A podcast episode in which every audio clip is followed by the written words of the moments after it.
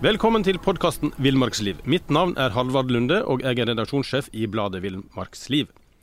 Bent Are Barstad, du har i dag vært på tur i eh, vel nøyaktig 798 dager, eller omtrent. Og det er vel ingen i moderne tid i Norge som har bodd lenger sammenhengende ute i naturen som det du har gjort? Det er i hvert fall ikke som jeg har hørt om. Nei, ikke, Eh, ikke frivillig, så, si. så jeg, ikke frivillig, nei. så har vært, eh, det er jo tredje hele vinteren min ute her, da. Og nå går vi inn i en litt mer vårlig tid etter hvert òg. Ja, nå står jeg jo på, jeg har måttet lete dekning til programmet her, så jeg står jo på en fin liten furuhaug langt oppe i Dividalen. Ser utover dalen. Og her er det jo sånn bladflekkete påskestemning, da, vet du. Ja, herlig. Og for deg som ikke kjenner Bengt Are så godt, så la han ut i tidlig februar 2020 fra Tomtevatn i Levanger kommune, og har bodd ute i naturen siden. Og hva passer vel bedre da enn å snakke om turutstyr, med en da som har mer praktisk erfaring enn de fleste av oss? Og for å begrense oss litt, da, så snakker vi nå om turutstyr for den snøfrie årstida, altså vår, sommer og tidlig høst. Eh, og Bengt Are, jeg har lyst til å begynne med en liten detalj som jeg la merke til, for du, du har jo din egen serie på Naturkanal 1, som da heter Ja, «Tus- stemmer det. 1000 dager ute. Og der bruker du knebeskyttere. Det var smart. Ja, nei, jeg, jeg fer jo med fire alaskahuskyer, og jeg, om sommeren så går jeg jo med dem med, med kløv da, og tung sekk. Ja. Og eh, knebeskyttere er gull både for beskyttelse av knærne, da, eh, selvfølgelig. Så hvis jeg ramler, så skader ikke jeg knærne, og det har redda meg mange, mange ganger. Men i tillegg så sparer jeg jo Gore-Tex-buksa mi under, ikke sant? Den dyre Gore-Tex-buksa mi. Mm. Knærne er jo det største slitasjepunktet, så et par knebeskyttere, knebeskyttere gjør at eh, buksa varer lenger, faktisk. Ja. Så knebeskyttere er jeg helt avhengig av. ja. Og så slipper du å bli våt på knærne til enhver tid, da. Du blir litt svett da, hvis du har skallbukse under, det blir du faktisk rundt i området. Men, eh, men eh, i og med at buksa holder seg tett lenger, så slipper du å bli blaut der. Ja. Men vi var jo inne på det, du har jo, du har jo bodd ute og bodd i telt eller åpen himmel da i, i ja, 800 dager, kan vi vel si i dag nå, da. Og, Ja og du har med deg Kaospatruljen, som er fire huskyer, og de bor jo inne i telt, teltet med deg. Men eh, kan du si litt om sånn erfaring eh, når det kommer til, eh, til telt? Tenker sommer, sommerstid, da. Ja, på den turen her så har jeg jo stort sett vært med et yttertelt eh, av et sånt firesesongstelt. Det vil si at jeg tar ut innerteltet eh, og drar ikke med det, da, for det, det trenger ikke jeg på sommeren. Eh, og Grunnen til at jeg drar med ytterduken, er at jeg er avhengig av å feste hundene i noe spesielt på høyfjellet. Da bruker jeg den snora som går rett over teltet Mm. mellom, eh, mellom bardunene til å feste dem i. Eh, og så må jeg ha, jeg må jo ha et telt med, med en ytterduk med høy rivestyrke, sånn at, eh, sånn at hvis det blir høl, da det blir det jo med fire høsker, det blir noe småhull og smårifter innimellom. Nå får du bladet Villmarksliv rett hjem i postkassa i tre måneder for kun 99 kroner. I Villmarksliv kan du lese om norsk natur, ærlige tester av klær og utstyr, og mange gode turtips skrevet av erfarne friluftsfolk, fiskere og jegere. Send SMS VILL36 til 2205 og motta bladet allerede neste uke. Lev livet villere med bladet Villmarksliv. There's never been a faster or easier way to start your weight loss journey than with PlushCare. PlushCare accepts most insurance plans and gives you online access to board-certified physicians who can prescribe FDA-approved weight loss medications like Wigovi and Zepbound for those who qualify. Take charge of your health and speak with a board-certified physician about a weight loss plan that's right for you. Get started today at plushcare.com slash weight loss. That's plushcare.com slash weight loss. plushcare.com slash weight loss. Men så er det sånn at jeg får reparert det, at det ikke bare revner. Ja. Men da har du ingen duk, ikke sant, så du, du ligger rett på bakken? Ligger rett på bakken, ja. Så ligger underlagene. Det er jo sånn jeg har gjort hele livet. Så, så øh, jeg er veldig glad i å sove ute. da, vet du. Det er jo grunnen til at jeg har vært ute så lenge. Ja. Trives godt. Men eh, da vi er inne på, på altså det å være ute, søvn og, og lys. I nord så er det jo lyst hele natta. og Har du gjort noe spesielt tiltak for å få det mørkt? Ikke på sommeren, nei. Nei. Men jeg har med meg en ull, ullhals. Det får jeg med hele året. Ja. Eh, og Det er viktig at den er dobbel. En dobbel ullhals. Sånn at, for den kan jeg trekke over øynene. eh, mens jeg sover. da. Det blir Ja. som et par sånn sovebriller. ikke sant? Ja, smart. Og det har jeg vent meg til. så Det gjør at jeg sover godt før nå da, når det er lyst døgnet rundt, faktisk. Ja, Du snakket om litt sånn små hull og sånt. Har du, eh, hva, reparerer du det med? I teltet, altså? Jeg har med, jeg har med sysaker. Jeg har med vanlig sterk eh, sytråd, og så har jeg med kevlartråd. da. som Mm. jeg kjøper på fluebindebutikk. Eh, som jeg syr i rifte, både klær og Det blir jo litt reparasjon underveis. Eh, så jeg har sydd, eh, sydd mye tekst. Ja. Det er jo en diskusjon da om, om tekstduk og riv. Hvor viktig er det at, at duken er rivesikker? Den er jo, eh, Så lenge du ikke får rift inn, så har det ikke så mye å si. Men med en gang du får rift, så er det jo selvfølgelig viktig at duken eh, ikke bare spjæres ut videre. Mm. Så jeg har høye krav til ytterduken på teltet. ja. Men eh, kutter du ut teltet av og til? Bare bruk av tarp eller presenning? Ja, jeg drar mye med, med, med tarp. Jeg har jo, det er jo stort sett det jeg har brukt om så alle somre opp igjennom. Helt siden jeg var ungdom, egentlig, så har jeg jo sovet ut under en presenning eller en tarp. ja. Eh, og Tarpan vil jeg jo egentlig dele inn i tre. Jaha. Eh, det ene som du sier er jo en vanlig presenning som du kjøper på en sånn byggmakerbutikk. Som er to ganger tre meter eller tre ganger fire meter. er en fin størrelse, sånn, sånn som jeg får. Men minusen med den da er at uh, dere bardunfestene er ikke forferdelig sterke.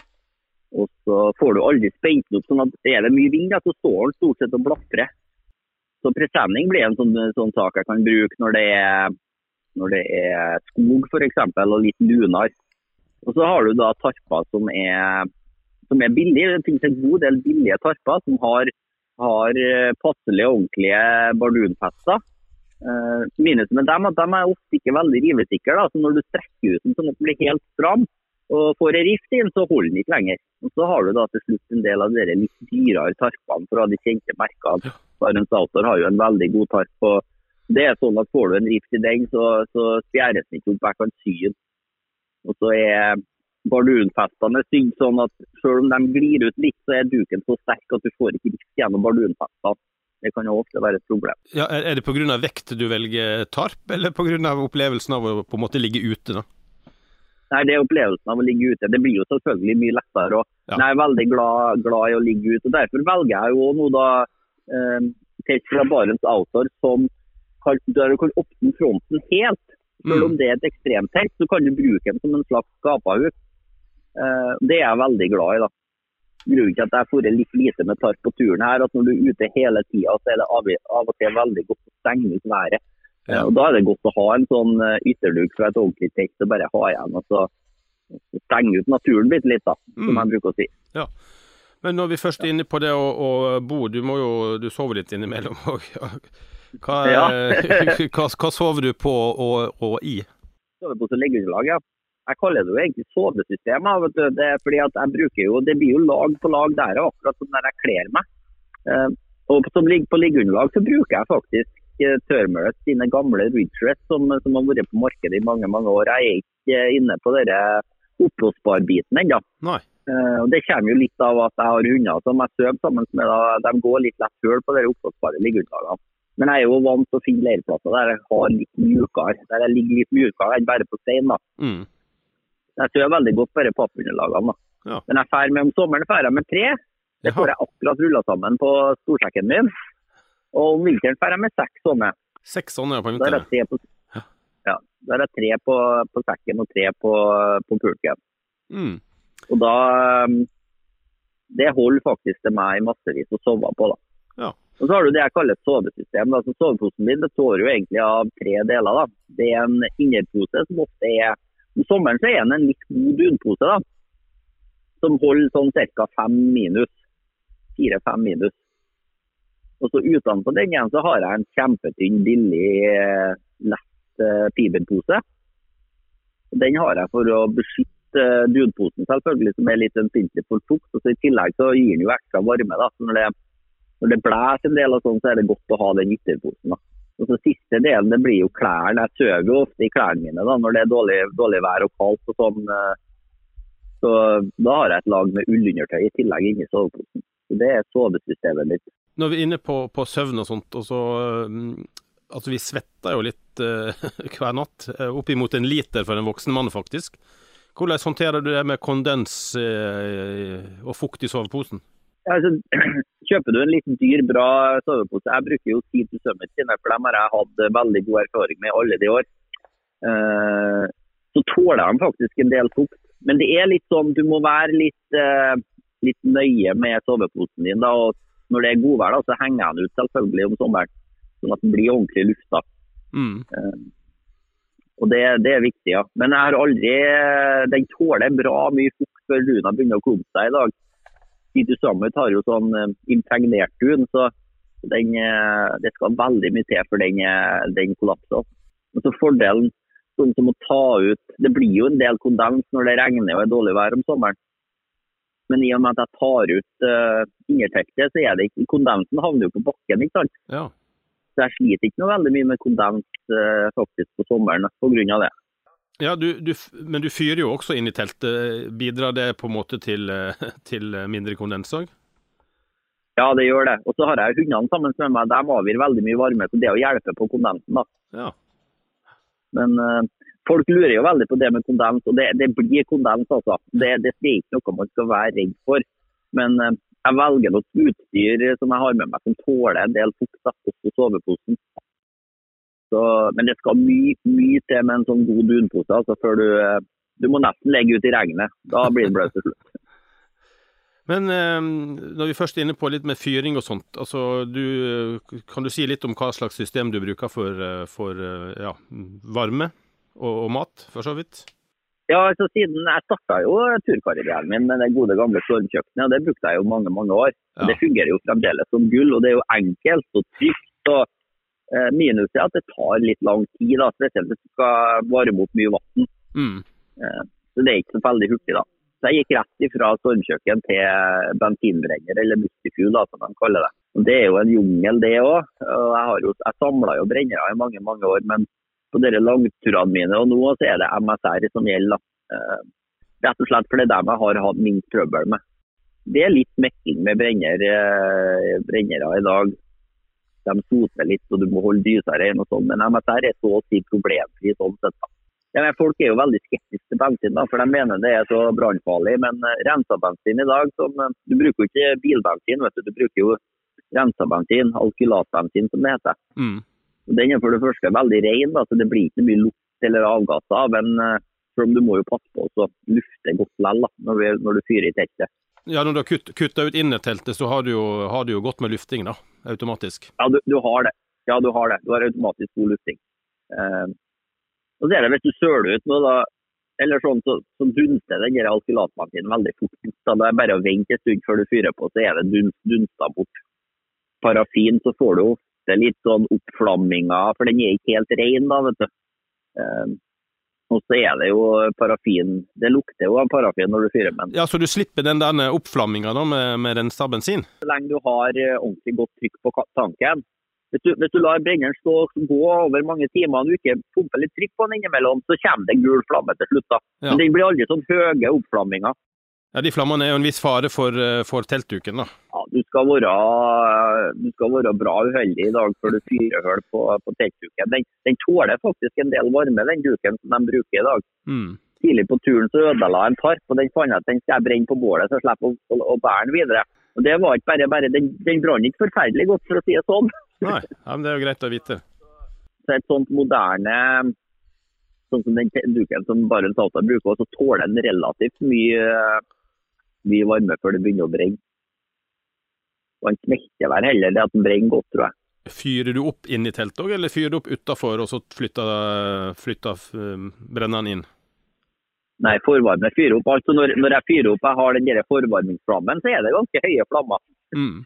Så, så, jeg fyrer opp inni teltet òg, ja. Jaha. Det gjør jeg. Nå har jo jeg fyra tett i teltet i 30 år, da, så jeg, ja. jeg er godt vant til kjenner brennerne mine godt. Et tips kan vel være, hvis det er første gang du skal gjøre det, så er det vel greit å være ute, i hvert fall. Og så likedan, Hvis du er litt redd for det med bensin og brenner, og sånn, og har bensinbrenner, så ikke fyr i teltet før du er skikkelig skikkelig eh, kjent med brenneren. Og Er du litt redd for det, så, så la være, rett og slett. Men da kan du jo ha med deg litt rødsprit, og så kjøper du deg en sånn eh, bare brenneren til Trangia, den, den som spriten, du har spriten i. Mm. Så kan du varme litt, fyre litt med den. Ja, det er et godt tips. Så Uansett det er vel et tips det med lufting, at altså når en fyrer i teltet, så bruker en oksygen, og da må en sørge for å få inn nok ny, ny, ny luft. Ja, det, veldig, veldig viktig det, ja. Det utvikles jo litt CO. det er CO-en er jo skummel, da, for det er jo en luktig gass Mm. som du til slutt, uh, sovner inn av.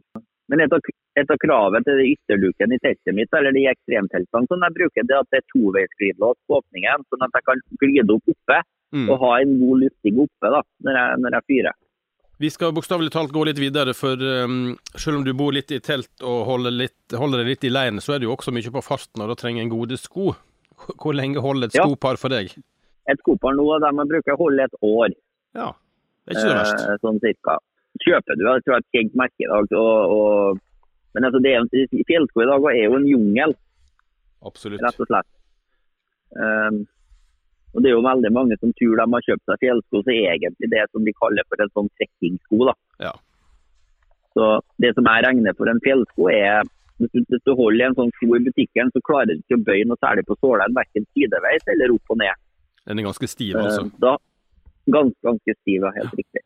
Men en, de kjente merkene i dag, så eh, Men de sliter jo sko forskjellig, da.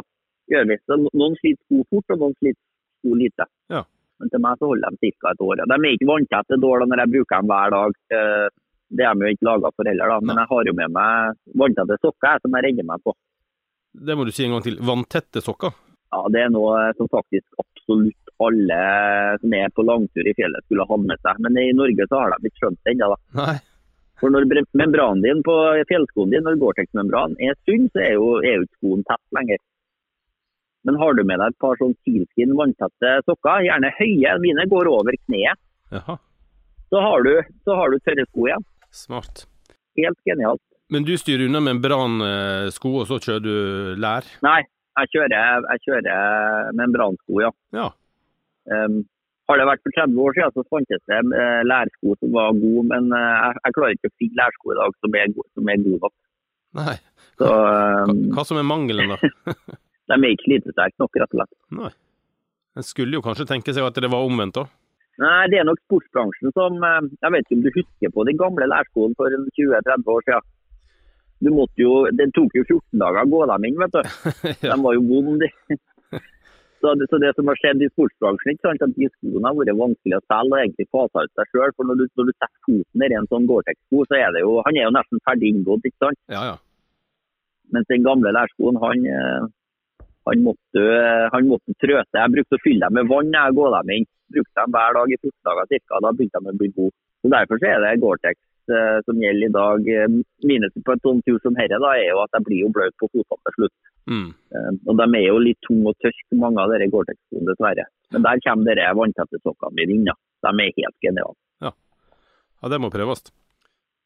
Ja, det er et godt tips. Men en sånn membransko er jo ikke like enkelt å på en måte vedlikeholde da, som en, en lærsko som du kan smøre. Har du med noe impregnering, eller? Jo, altså det, det finnes gode, det gode impregneringer i dag. eh, faktisk. Det finnes god bivoksimpregnering til, til Gore-Tex-sko. Eh, og eh, jeg er veldig nøye med vedlikehold av sko. Da. Nå er det jo litt vanskelig for meg, i og med at jeg sjelden får tørka dem ordentlig. Ja. Men eh, jeg, jeg prøver når det er godvær i fjellet, og så, og så få tørka skoene mine, sånn at jeg får impregnert dem. Eh, så, det, så det gjør jeg.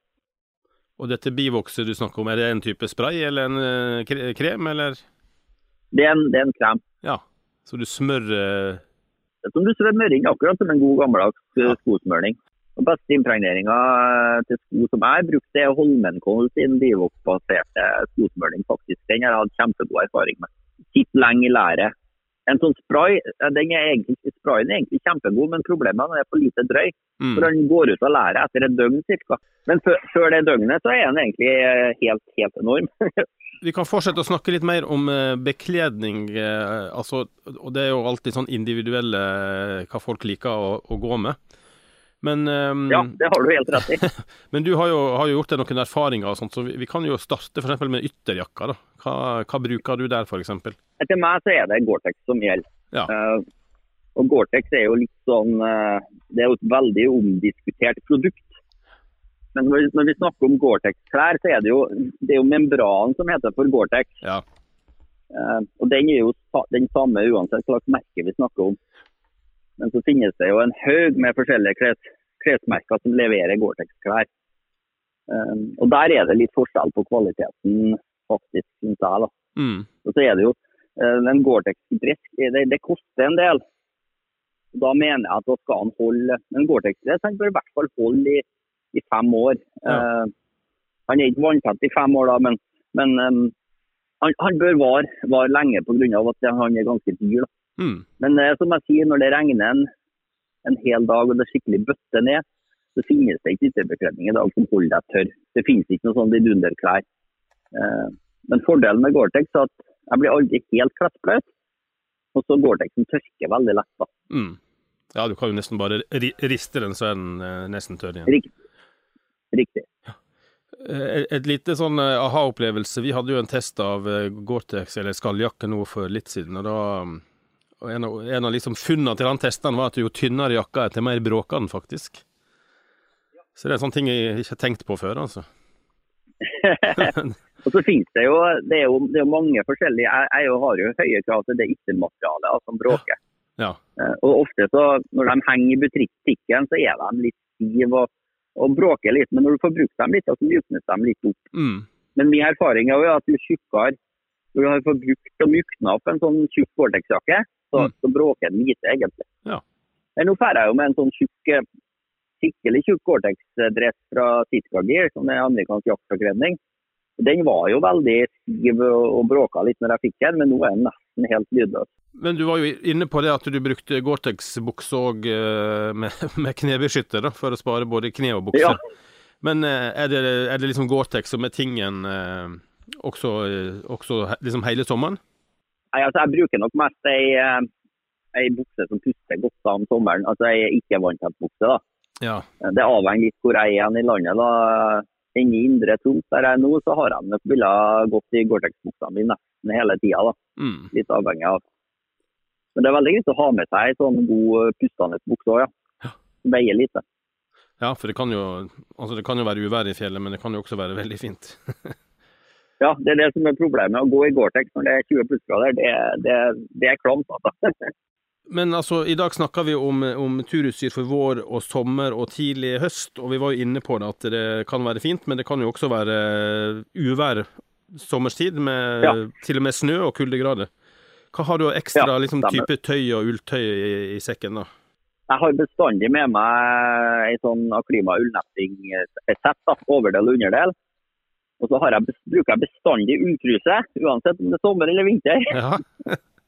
Og så bruker jeg bestandig to sett med tjukke ullsokker i, i Gore-Tex-skoene mine, faktisk. ja. Eh, Det folk syns, syns det høres veldig rart ut, at du blir veldig varm på fotene. Men uh, det, det fungerer for meg. da. Ja. Og så drar jeg med den klima-hettegenseren er jeg jo veldig glad i. For den er jo sånn at du kan, du kan vrenge hetta over hodet når du ikke bruker halsen. Og så kan du dra opp litt, sånn at du ikke har dekte eh, håndpulsårene dine hele tida. Mm. Så Den er jo med hele året, da, også på sommeren. Så Det er liksom baseundertøyet mitt eh, på sommerstid. Har, du, har du eget regntøy? Nei, det blir Gore-Tex. Ja. Det blir Gore-Tex, ja. ja. ja, det blir det. Og lua og votter med hele, hele året, eller? Nå får du bladet Villmarksliv rett hjem i postkassa i tre måneder for kun 99 kroner. I Villmarksliv kan du lese om norsk natur, ærlige tester av klær og utstyr, og mange gode turtips skrevet av erfarne friluftsfolk, fiskere og jegere. Send SMS VILL36 til 2205 og motta bladet allerede neste uke. Lev livet villere med bladet Villmarksliv. There's never been a faster or easier way to start your weight loss journey than with PlushCare. PlushCare accepts most insurance plans and gives you online access to board-certified physicians who can prescribe FDA-approved weight loss medications like Wigovi and Zepbound for those who qualify. Take charge of your health and speak with a board-certified physician about a weight loss plan that's right for you. Get started today at plushcare.com slash weight loss. That's plushcare.com slash weight loss. plushcare.com slash weight loss. Ja, Lua, votter og ullhals er med hele året. Um, fryser du på fotene, og på fingrene og på hodet, så fryser du på rest- resten av kroppen. også. Ja, det er riktig. Så jeg har med meg sånne det jeg pulsvarmere. er det de kaller det sånne fingerløse hansker Ja.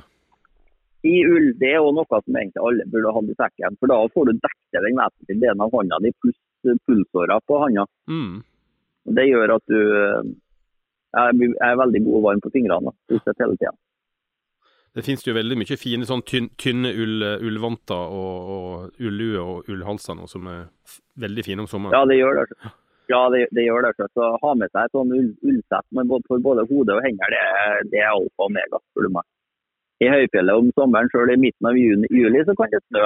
Kan det komme sludd. Jeg, jeg lurer på om eh, Vi hadde en eh, episode for litt siden om, om været. og sånt. Jeg lurer på om det var minus 12 på Fanaråken som var kulderekorden på sommerstid.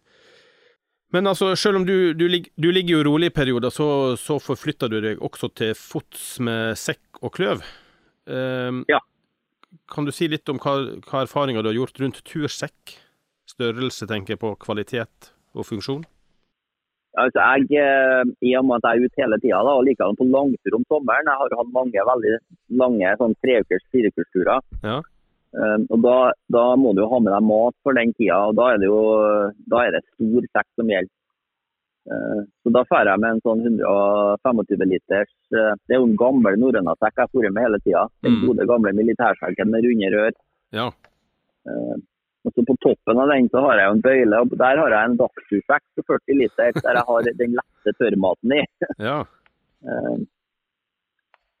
Men nå er jo, nå er jo eh, det er som jeg sier, Når du skal på sånn tre-fire ukers tur, så, så holder det ikke med en 100 liters sekk, fordi at du får ikke med deg nok mat. Da blir det i hvert fall sånn skikkelig slanketur ut der. ja.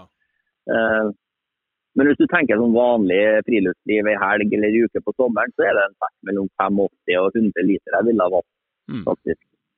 Eh, Det, det holder, i, holder massevis. Ja, min erfaring er jo at, at, at liksom, det å ha en stor sekk det har sine fordeler, for du får pakka mer inni sekken og slipper å ha så mange ting utapå. da. Alt du bærer på utsida av sekken veier mer eh, enn hvis du får det, får det inni sekken. Og en skikkelig sånn eh, strøpt, eh, skikkelig fullpakka sekk, han er òg dårlig å bære. Så Det er likere å ha en sekk som er litt for stor enn litt for liten, eh, faktisk, spør du meg. Men jeg, som sagt, jeg, jeg er storsvartmann og har brukt samme sekken i, i alle de år. og Nå må jeg jo på Finn for å finne, finne dem da, når jeg sliter dem ut. Og, og sekk og er jo sånn veldig individuelt. altså En sekk som er god for én, kan jo være katastrofalt dårlig for en annen å bære. da. Og så er det jo liksom hvor sterk du er, da, tenker jeg. Ja, det, er, det ville jeg gjort hvis du er mye på tur og så skal kjøpe deg en ny sekk. Det er bra på en sportsbutikk med litt utvalg. Og så snakker du med en av ekspeditørene, og og så kjøper du den sekken som du tror er best. Du tar vare på kvitteringa. Mm. Og så pakker du den hjemme, og så går du bare litt rundt med den i hagen uten, å, uten at det vises. Så hvis den ikke passer ryggen din, så bytter du rett og slett. En del sportsbutikker der får du jo sånne, sånne vektsekker som du kan hive opp i 15-20 kilo også. Ja, men én ting er å gå rundt med den der i ti minutter, men når du, når du har begynt å gå noen timer med den, det er da du kjenner om den passer ryggen din eller ikke. Det er- det er min erfaring. Det, så det å kunne, kunne trø litt hjem på den, ta vare på kvitteringa, så så bytte den nesten, det er egentlig, det er egentlig gull. Eh, Du var jo inne på det her med sekkstørrelse, og at du må ha stor sekk for å bære nok mat. Og, og vi er nok mange som velger sånn frysetørka turmat på tur, fordi det er lett å bære og lett å lage. Men, eh, og, Ja. du, og du fisker jo mye, men hva er det liksom kosten din består av? Ja, hvis du ser sånn generelt, da, så om morgenen så er det havregrøt. Ja. Sorry, men, eh, men så enkelt er det. Det er fordi at havregryna er veldig god å gå på. Det er mye energi i forhold til det du bærer med deg. Du tar lite, lite plass. Så havregrøt med en dæsj smør på, og så brunsukker, Mm. det er frokosten. da. Ja. Og så til lunsj så kan det jo være eh, ja, et eller annet med, med mye karbohydrat. Det kan være sjokoladeplate, kokossjokolade f.eks. som ikke smelter. Uh, og ja, kanskje noe kjeks.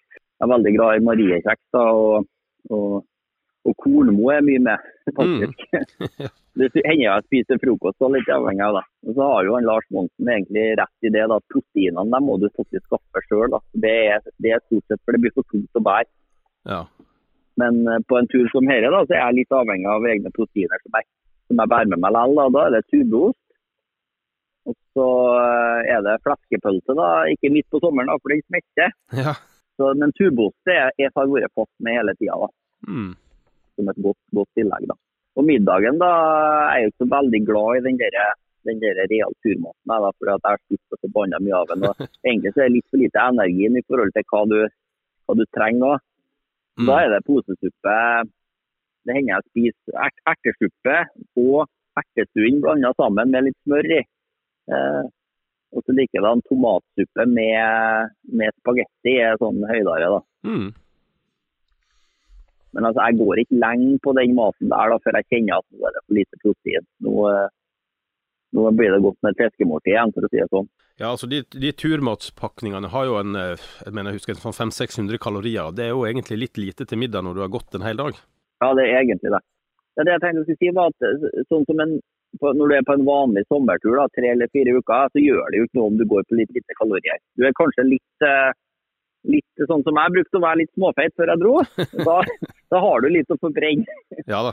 Da gjør det ikke noe om du, om du går på litt lite kalorier, da, egentlig. Eh, men på en tur sånn som jeg er på, så har jeg faktisk enkelte ganger måttet ved provianteringene mine fått inn ekstra protein og fett, da, at det begynner, det begynner å bli for dårlig. Da brenner du muskulatur, og det er ikke sunt i hele tatt. Mm. faktisk. Nei. Vi- var jo inne på det her med langtur og bæring av mat og sånt. Altså, og det, virker jo som det er stadig flere da, som tar ja, I forhold til din tur, så er det jo korte turer. Men altså folk som er ute både ei uke og to, og kanskje en hel måned i strekk. Og, og, og er Ja. du ute en måned, så klarer du jo neppe å bære med deg alt du trenger av mat. Jo, du klarer det akkurat. Du Jeg har mange måneder. Du klarer, hvis, hvis du er litt flink å pakke og, og klarer å bære litt tungt, ja, så, så, men da veier, da veier sekken din mellom 55 og 65 kilo ca. ja, det er litt tungt, tungt for mange. Ja, det er det. Hvis du er litt trena, så er det. Men, men du har jo løst dette med, med å jevnlig etterforsyning, da. Ja, hver tredje, fra hver tredje til sjette uke så har jeg, har jeg hatt forsyning. Mm. Eh, eh, er det hver, går det hver sjette uke, da har jeg hatt bra med rypa eller bra med, med fisk underveis. Ja. Men det er godt, eh, det er veldig godt å være litt sulten av og til. og De beste fiskeopplevelsene mine er jo når jeg har vært ordentlig sulten og fått fin fisk og stekt og preparert. og, og spist det. er jo en fantastisk opplevelse. da. Mm. Å kunne uh, spise den kortreiste maten, som jeg kaller det. Ja. Men klart, et tips for de som eh, i hvert fall eh, der det er litt DNT-hytte, sånn selvbetjente hytte, så er det jo matlager, så en kan jo gå innom og kjøpe mat, faktisk. Ja. Hvis en er i området der det er hytte, da. Ja, vi må snakke litt om eh, sikkerhet òg. Du har, Ja. du har jo på alle måter vist at du kan bo ute i all slags vær. Men, men eh, hva slags, eh, på en måte, slags vurderinger gjør du rundt sikkerhet på tur? Altså om vi liksom holder fokus på utstyr og, og, og ikke på atferd. Hva har du med deg som sånn sikkerhetsutstyr? Jo, jeg ferdig med et først- førstehjelpssett. Mm. Og Det består av, øh, av pyrisept, eller detinisering da, hvis jeg får sår eller hundene får sår, sånn at jeg hele tida kan desinfisere såret. da. Eh, Salt har jeg, med, har jeg jo med likevel, sånn at å lære seg å lage sånn saltvannsoppløsning som du vasker sår med, både gnagsår og andre sår, det, det kan være lurt. Mm. Det skal jo være ca. 6-7% salt i den oppløsninga. Er det mer, så sier det noe inni Ja. Det har jeg prøvd. ja, koker du opp eh, det, da, eller? For å få jevn Da kok, ko- koker du opp vannet, ja, så må du, må du ha målt ut da, hvor mye salt du skal ha til den blandinga. Mm. Så kan du bruke den eh, når den er, den er kald. Det er veldig bra til å vaske sårene med. Ellers er det pyrisept eller, eller desinfeksjonssalve som jeg bruker på, på sårene. mm. Så har jeg med vanlig Paracet som smertestillende. Det, eh, hvis, hvis du har så vondt at, du ikke, at ikke Paracet hjelper, så, så bør du vurdere om du ikke må ned. Så enkelt er det. Ja, godt tips. Og så drar jeg med sårstrips. Eh, Det er jo det for hvis jeg får et kutt eller sånn at jeg må i stedet for å sy. De sårstripsene er veldig bra. Da Da får du tetta igjen såret og så legger en god bandasje på, så klarer, du deg faktisk. Der er det sånn at Hvis blodet spruter og du, føler, og du blir litt redd, så er regelen eh, da må du ned. Men jeg har jo trena mye opp igjennom. Jeg starta ganske tidlig i min ungdom å trene på å bandasjere meg sjøl, for det anser jeg som viktig da, i tilfelle noe skulle skje. Så det å faktisk ta et førstehjelpskurs, hvis du har det, og trene på førstehjelp, det, det er viktig. Det er kanskje den største sikkerheten du kan gjøre med deg sjøl på tur, og kan jo, kan jo ta, ta vare på de, de verste skadene. Så Førstehjelpsutstyret det er ufravikelig. Nå er det lenge siden jeg har brukt det, bank i bordet. Ja. Men, eh, men det er med likevel, for å si det sånn. Ja. Og så eh, En annen ting som er med, jeg har bestandig med meg en sånn signalpenn med signalskudd. Jeg vet ikke om du husker, det, Nå er de ikke så vanlige å få tak i lenger. Eh, Før i tida så hadde alle sportsbutikker det. Ja. Det er jo en sånn, sånn penn som du skrur et, eh, et, eh, et skudd på, som du skyter med, så kommer det opp en sånn rød kule eller grønn kule, avhengig av Mm. farge du har på. Riktig. Ja, det var jevnlig, oppslag i lokalavisa med sånn som hadde misbrukt sånne, vet du. Ja, det, du må ikke misbruke det. Du kan skyte opp på nyttårsaften hvis, Ja. du, hvis du er ikke er i fjellet, da. Ja. Men ellers så må du ikke misbruke det. Men det, var, det har vært litt trøbbel med CE-godkjenning på det. Vet jeg. Det er faktisk gamle firma Nordnorsk Forsyning som har eh, fått laga og importere det her. Nå, skal det være å få tak igjen. Eh, sånn at det, det er sikkert. Så Det anbefaler jeg faktisk alle å ha i sekken. Mm. Og jeg har ikke brukt det på turen her, men jeg har hatt bruk for signalspenn tidligere. Annet ved hadde en kompis som knakk en ankel en gang. Det var på Kvaløya, faktisk. Og Da var det så tåkete at helikopteret Vi hørte helikopteret, men det fant ikke oss. Da skjøt de noen sånne skudd. Da Da så, så de at vi kunne, kunne lande. I tillegg, hvis du ser en annen sånn eh, isbjørnfilm fra Svalbard, da, isbjørn som er litt nær, Mm. så bruker de også signalskudd på den. Da. Ja. Det kan jo være sånn bjørneforsvar hvis du er livredd bjørn. Kan det hende han funker på det. Men eh, det kan òg fort ha motsatt effekt. Så Jeg er litt usikker på om jeg vil anbefale det. da. Har du type sånn, eh, G, mm, eh, sånn satellittmottaker og sender, eller? Nei, jeg har ikke. Nei. Det, mm, jeg for med GPS før, men jeg liker å gå på kart, vanlig kart i stedet. Ja. Og på en sånn tur som jeg er nå, så må jeg, jeg må hele tida Jeg må ikke ta noen sjanser, for da er turen fort ødelagt. Spesielt eh, vinterstid nå, da. Ja. Jeg valgte å ikke dra med noe sånn in reach eller noe sånt. Nei, jeg tenkte på varsling og sånt, da, hvis du virkelig har problemer og ikke har telefondekning, så, så er det en trygghet, da. Ja, men eh, jeg klarte meg jo. Vi klarte oss jo før i tida uten dere der. Så det er liksom bare Det er, det er en ekstra ting å fære med, da. Ja, det er det. Men har du noen sånne varslingsrutiner, da, at du har en deg med jevne mellomrom, eller? Jeg har ikke noe fast, nei. Det er litt skummelt, da. For hvis du har noe fast, så plutselig så, så da har du redningshelikopter. Min kjære mor har jo kommet til å være veldig kjapp på tråden til redningsselskapet. for å si det sånn. Så jeg vil ikke ha noe fast. Nei. Enkelt og greit. Er det andre ting du liksom har i sekken? Jeg tenker på type en vindsekk eller andre ting som på en måte i en nødsituasjon kan komme til nytte? Nei, jeg har det ikke, men jeg mener jo sånn som kniven min f.eks. har jeg bestandig på meg. Det er litt viktig. Hvis du mister sekken din, så er, så er alt utstyr oppi der. Den kniven er jo en av mine viktigste redskap. Så, så jeg har en kniv på kroppen hele tida. Det var jo en hemmelighet lenge, da, men jeg har jo faktisk en kniv rundt halsen. Det gjør jo at jeg bestandig har en kniv på meg. Mm. Eh, Så, så det er sånn sikkerhet. eh, eh, At jeg ikke mister kniven min. Det er litt sånn, Jeg var, i, jeg var jo i en, i en brann for en del år siden. Jeg var jo i oktober 2017. Så overnatta jeg sammen med ei dame i to gapahuker i Trøndelag. Hadde en sånn høstferietur. Så tok de fyr. Og da eh, hadde jeg blitt litt slapp med det med kniv. Mm. Da hadde jeg fire, tre, nei, tre husker i barn.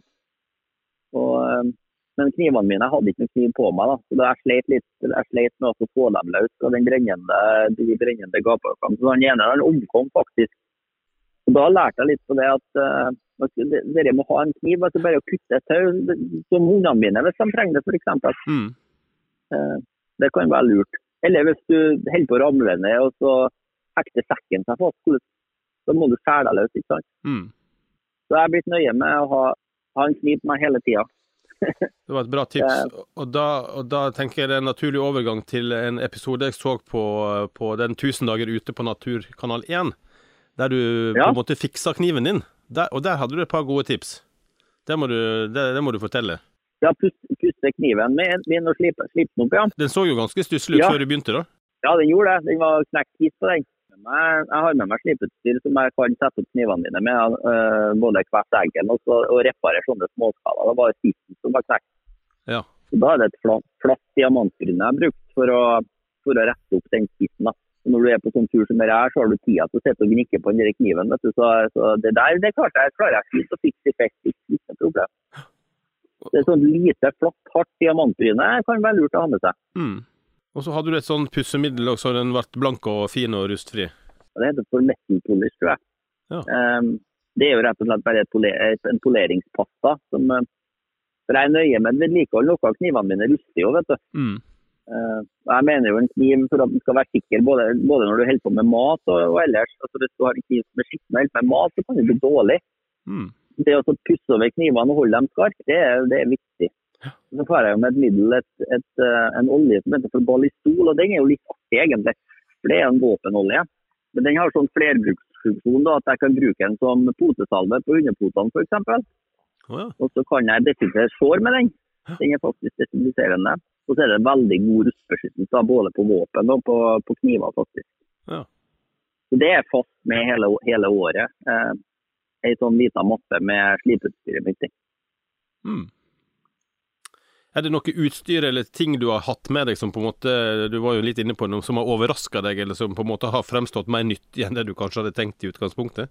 Stort sett har jeg vært med samme utstyr som jeg har med hele, hele tida gjennom 30 år, bare at det har blitt litt mer moderne. da. Ja. Men eh, så fikk jeg tak i meg Jeg så bare sånn helt tilfeldig på, på Facebook det var noen som hadde en sånn sammenleggbar eh, kaffekjel ja. eh, fra tid fra side til summit. Så tenkte jeg det der er for godt til å være sant. Du kunne jo klappe den sammen, vet du, den ble helt flat. Yes. Og så var det jo silikongummi oppetter, ikke sant? sånn at eh, du tråkket den ut som et trekkspill. Det måtte jeg prøve. Og ble veldig positivt overraska. Han sparer meg litt for bensin, for han, er- han, øh, han varmer vannet veldig effektivt. den der kaffekjelen. Ja. Og så tar han absolutt ingen plass. Men det er jo en kjel du ikke kan bruke på bål. da. Det er jo en kjel som du bruker på en, eh, på en vanlig primus, egentlig. Du kan jo ikke ha noen flammer opp etter veggene på, på kaffekjelen der. da. Nei. Den den, den, den har overraska meg. Jeg flirer godt hver gang jeg, trekker den ut og bruker den. Ja. Og, og kaffe, det, det er kanskje det viktigste du har med deg på tur, egentlig. Eller te. Du er tedrikker, du. Ja, jeg har med kaffe òg, ja. Ja. Men, eh, men jeg er te- tedrikker, ja. Og det er jo noe folk kan tenke over. At for te på tur er faktisk mye bedre enn kaffe. For kaffe har en del stoffer i seg som eh, ikke er helt, trenger å være helt bra. Eh, mens te er veldig mye godstoffer i, og så mm, har du sukker i den, så får du karbohydrat i tillegg. Det første jeg gjør hvis jeg har gått langt en dag og er litt sliten, det er at jeg lager meg en kopp røkt te med sukker i. Og det, det går rett i hodet. Da er det happy time med en gang. ja. Ja. vi andre vi får ha, ha sukker i kaffen videre, kanskje. Ja, kanskje det. Men eh, nei, jeg har med meg eh, eh, pulverkaffe på stort sett da, fordi at eh, ikke som jeg ferdig med to kaffekjeler. Det gidder ikke. Nei.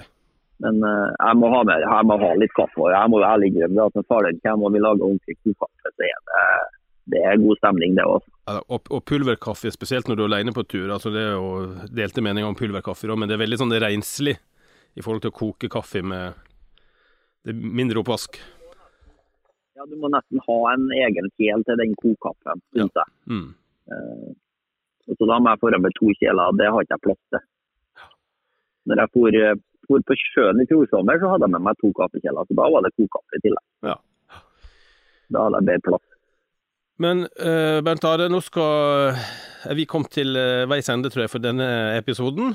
Men du skal jo fortsette Ja. et par hundre dager til, minst. Skal det. Ja, og dersom du som lytter på syns dette var verdt å lytte til, så kan du jo støtte oss på to måter. Det er selvfølgelig å abonnere på et av bladene som heter Jakt, alt om fiske eller villmarksliv.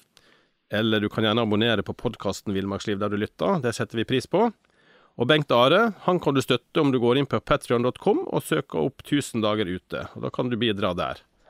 Bengt Are, tusen takk for gode tips, og god tur videre.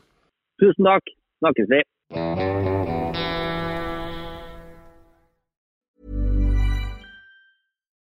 Nå får du bladet Villmarksliv rett hjem i postkassa i tre måneder for kun 99 kroner.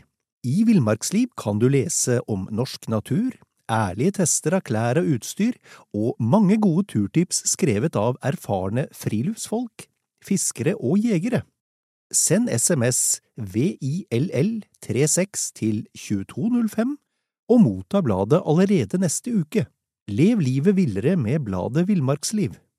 Planning for your next trip? Elevate your travel style with Quince. Quince has all the jet setting essentials you'll want for your next getaway, like European linen, premium luggage options, buttery soft Italian leather bags, and so much more. And it's all priced at 50 to 80% less than similar brands. Plus, Quince only works with factories that use safe and ethical manufacturing practices. Pack your bags with high-quality essentials you'll be wearing for vacations to come with Quince. Go to quince.com slash trip for free shipping and 365-day returns. Mom deserves the best, and there's no better place to shop for Mother's Day than Whole Foods Market. They're your destination for unbeatable savings, from premium gifts to show-stopping flowers and irresistible desserts. Start by saving 33% with Prime on all body care and candles. Then get a 15-stem bunch of tulips for just $9.99 each with Prime. Round out Mom's menu with festive rosé, irresistible berry chantilly cake, and more special treats. Come celebrate Mother's Day at Whole Foods Market.